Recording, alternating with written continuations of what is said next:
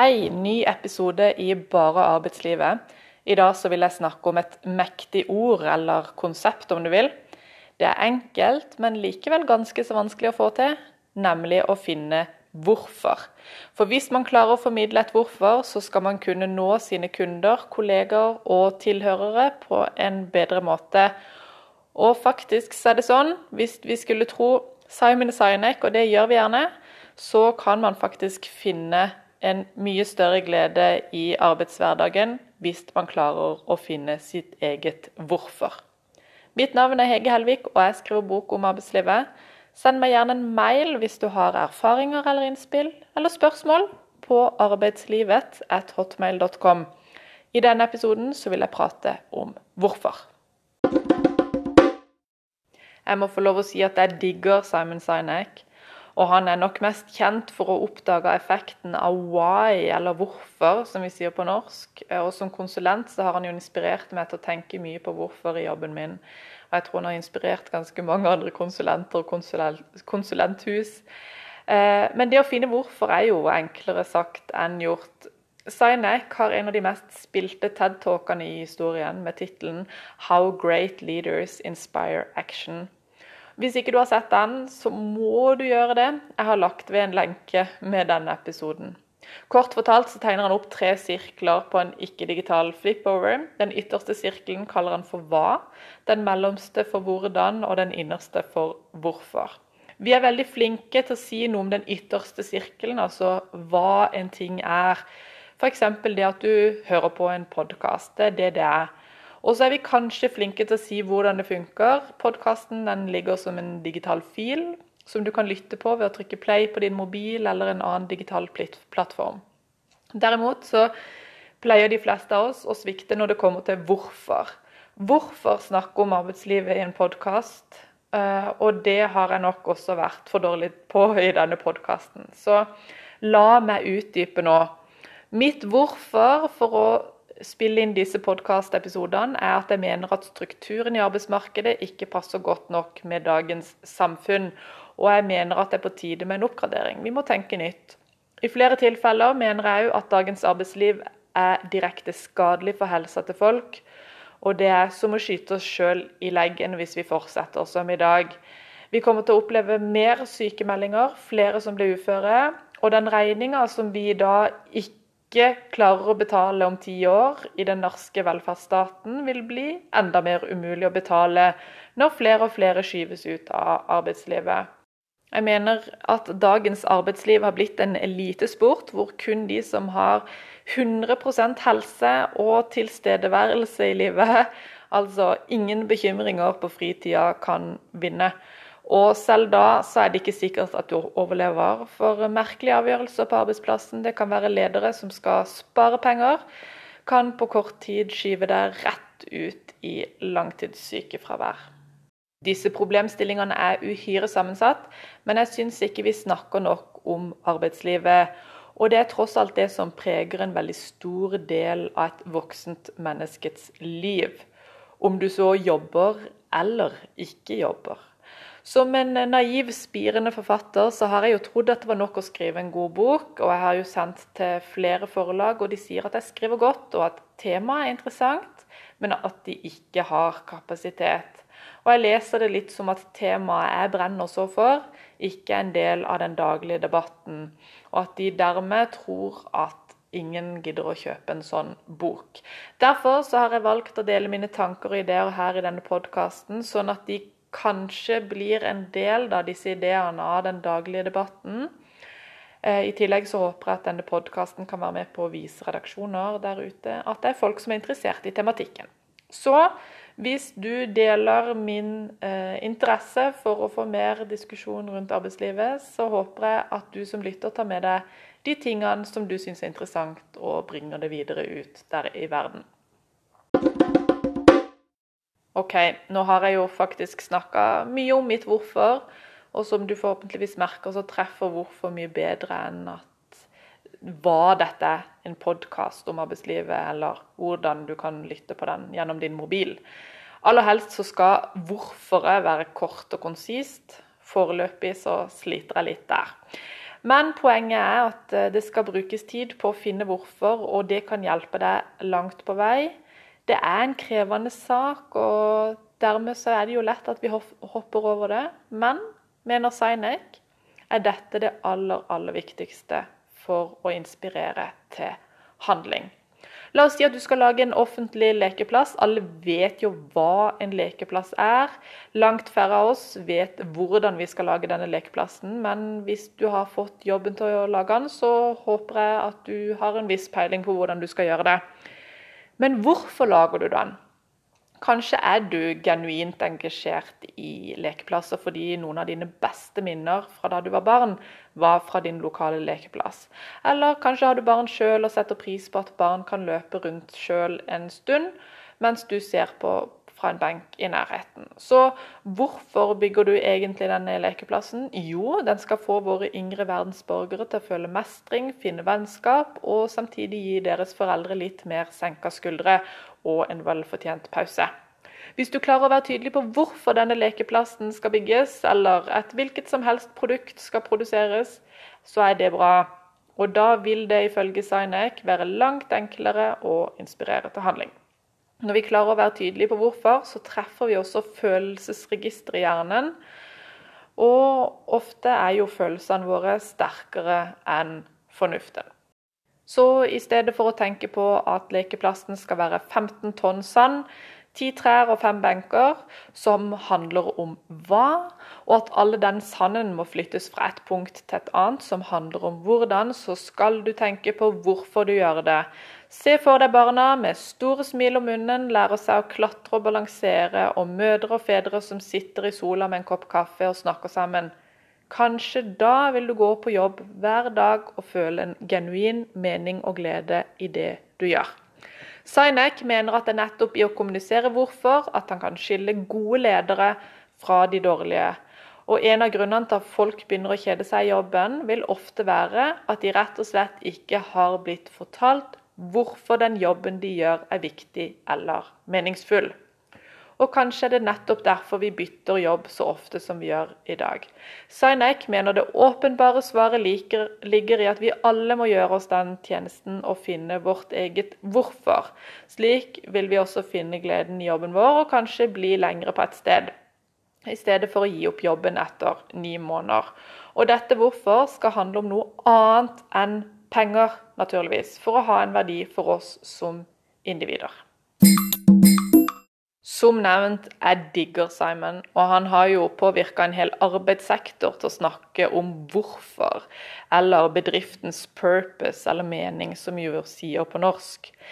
Men jeg mener jo at et enda viktigere spørsmål er hvorfor vi ikke forstår hvorfor vi gjør den jobben vi gjør. Altså Hvorfor må vi tvinge oss sjøl til å finne mening i det vi gjør? Er det ikke nok å vite at man lager en lekeplass eller en bil eller en stekespade. Da jeg gikk på barneskolen, så hadde jeg en lærer som var veldig glad i sløyd. Så vi fikk mye tid på sløydrommet, hvor vi lagde både knivskaft og stekespader. Vi var ute i skogen for å finne materialer til håndverket vårt. Og etter at stekespaden var skåret til av en elektrisk sag, så tok det meg flere timer med sandpapir for å få den ferdig og den finpussa stekespaden ble med stolthet overlevert i gave til min mor. Hvis jeg skulle tjene penger på å produsere stekespader i dag, så hadde ikke bedriften holdt ut lenge med samme takt og tilnærming som jeg hadde på barneskolen. Jeg måtte derimot delt opp produksjonen i flere oppgaver og få hjelp av flere ansatte for å kunne produsere nok stekespader per dag. Kanskje da Antageligvis ikke, men kanskje ville stekespadebedriften min vært lønnsomt. Bortsett fra pengene og tanken om at noen fikk en ny stekespade, så ville jo ikke bedriften min gitt meg den samme følelsen jeg fikk da jeg lagde stekespade på barneskolen. Jeg ville heller ikke gitt den masseproduserte stekespaden til min mor i gave. Iallfall ikke med samme stolthet som da jeg brukte timer med sandpapir på den ene stekespaden. Antageligvis så ville jeg heller kjøpt en dyr gave for å vise at det hadde blitt en suksessfull stekespadeprodusent. Arbeidssektoren har jo vært en del av en enorm effektivisering, hvor ideene om arbeidsdeling, som ble beskrevet av Adam Smith på 1700-tallet, virkelig fikk oss til å produsere så vanvittig mye mer per person. Adam Smith er jo en interessant kar av flere grunner, så han må jeg jo komme tilbake til i en annen episode. Men denne ideen om å dele arbeidsoppgaver i flere deler har gjort at vi kan produsere vanvittig mange stekespader, f.eks. enn hvis hver og en av oss skulle lage en og en stekespade helt alene. Nå er det jo ganske naivt å tenke at vi kan produsere stekespader i Norge. Det hele tatt, Vi tjener jo så vanvittig mye i våre lønninger. Eh, så et rimeligere alternativ ville være å produsere de i et lavkostland i Asia. Og Skulle jeg likevel holde fast med å produsere stekespader i Norge, så ville jeg nok investert i noen maskiner for å øke produktiviteten. En annen mann kan kanskje hjelpe oss å finne ut hvorfor det ikke helt funker å snakke om hvorfor i dagens arbeidsmarked. Ifølge Richard Sennett er maskinene og høyteknologien med på å ødelegge for vår følelse av mening i arbeidet vårt. Sennett i sin dystopiske, samtidig briljante bok 'Det fleksible mennesket' gir oss noen svar på hva høyteknologien gjorde med oss ansatte. Blant annet så illustrerer han eh, med et lokalt bakeri som han var stamgjest på på 70-tallet. Og der var det autentiske greske bakere som jobba med blod, svette og tårer. Og det var tidvis også oppkast fordi det var så varmt i bakeriet. Men her bakte de da brød og andre bakevarer tidlige morgener. De gode bakevarene var basert på mange års kunnskap og erfaring arva gjennom generasjoner. 20 år senere så var bakerne da erstatta med nye bakere og maskiner det bakeriet han kjente fra 70-tallet, så helt annerledes ut. Det var ikke mye opplæring de behøvde, de som jobba der. De skulle bare trykke på noen skjermer og la maskinene bake brødene. Og ved hjelp av maskinene så kunne bakerne bake nye boller og brød med nye ingredienser og former hver dag. Alt etter hva kundene ønska seg, og hva som var de nyeste trendene i bakebransjen. Arbeidsoppgavene var blitt vesentlig enklere enn tidligere, men de ansatte virka ikke fornøyde. De jobba i snitt seks måneder på bakeriet før de fant seg en ny jobb. Og det var ikke noe problem med sjefen, han virka hyggelig, han. Eller arbeidsmiljøet, for den saks skyld. Men Sennet fikk høre av de ansatte at de jo egentlig ikke så på seg sjøl som bakere. Enkelte av de visste ikke engang hvordan å lage et brød. Andre dro hjem eh, fra jobb for å bake ordentlig brød på fritida, bare for å kunne føle hvordan det var å være en baker. Og De største problemene oppsto ifølge Sennet når maskinene av ulike årsaker ble ødelagt. De ansatte hadde ikke kompetanse til å fikse maskinene, noe som gjorde at de besittende så ventet ofte i flere timer i løpet av arbeidsdagen til det kom en reparatør og hjalp de med maskinen. Og Nettopp denne maktesløsheten mener Sennet var grunnen til at de ansatte ikke fant noe stor mening i å fortsette å jobbe ved bakeriet. I tillegg til at meningen med arbeidet var svekke, svekka, mente Sennett også at den fleksible spesialiseringen kan forklare nedgangen i fagforeningsaktiviteten. Ingen av bakerne var medlem av den lokale fagforeninga, ikke primært fordi de ansatte bytta jobb så hyppig, men fordi de ikke lenger hadde noe følelse av å kunne hjelpe hverandre. Alle kunne jo trykke på knappene, men ingen kunne fikse maskinene. Og følelsen av fellesskap var derfor fraværende. På toppen av at de ansatte følte seg maktesløse mot maskinstans og ikke hadde noe sterk fellesskapsfølelse på jobb, så bidro også maskinene til at langt flere brød og boller ble kasta rett i søpla. Hele brett med bakevarer kunne bli ødelagt fordi innstillingene på maskinen ikke var riktig. Og Ifølge Sennett så var dette aldri tilfellet hos de autentiske, stolte bakerne på 70-tallet. De kjente at deigen hadde riktig konsistens mellom fingrene og fulgte med på heving og steking inn i ovnen.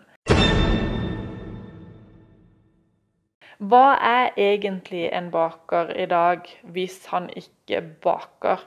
Og det er jo ikke interessant i å ansette en faktisk baker i et bakeri, for en faglært har jo rett på mer i lønn.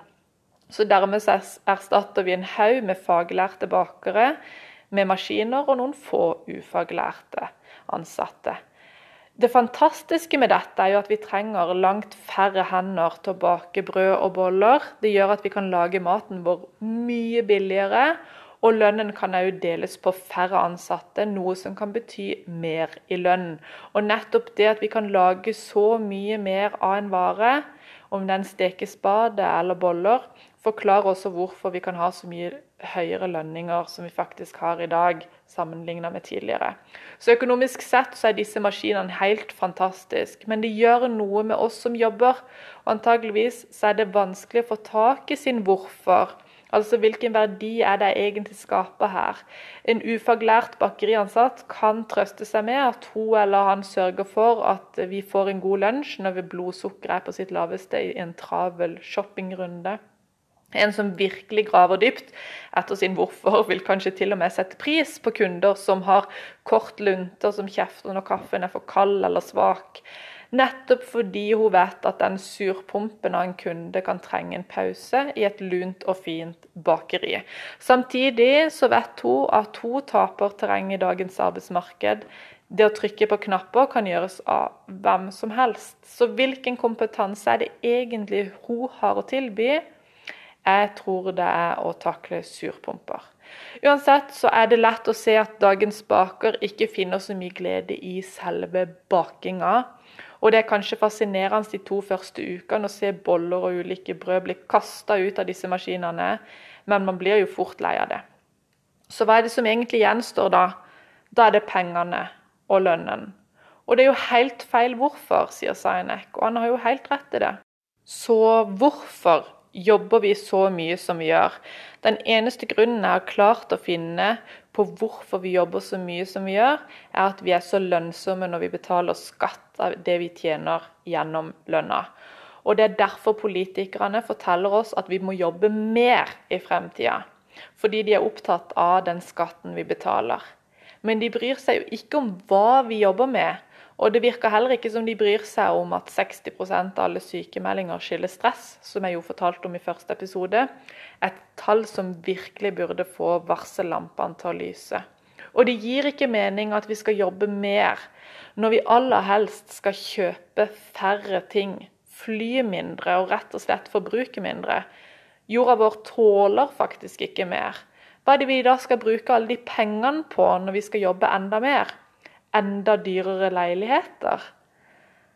Gjøre det enda vanskeligere for unge å komme inn i boligmarkedet da? Det gir ikke mening, og jeg klarer dessverre ikke å finne det rette hvorfor.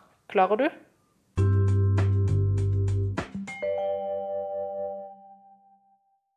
Så godt at du hørte denne episoden. Til nå så har jeg brukt mye tid på å snakke om mye av det jeg mener ikke funker med dagens arbeidsmarked. Derfor vil jeg i neste episode snakke om hva som skjer når man virkelig har det gøy på jobb. Eller i en eller annen aktivitet. Du har sikkert opplevd det. Perioder hvor tida flyr. Du kommer inn i en flyt og opplever en stor grad av tilfredshet i etterkant. Mihali, en fyr med et virkelig vanskelig etternavn som jeg ikke skal prøve meg på nå, kaller dette for optimale opplevelser, og har i en bok kalt 'Flow', eller 'Flyt', forklart psykologien bak de optimale opplevelsene.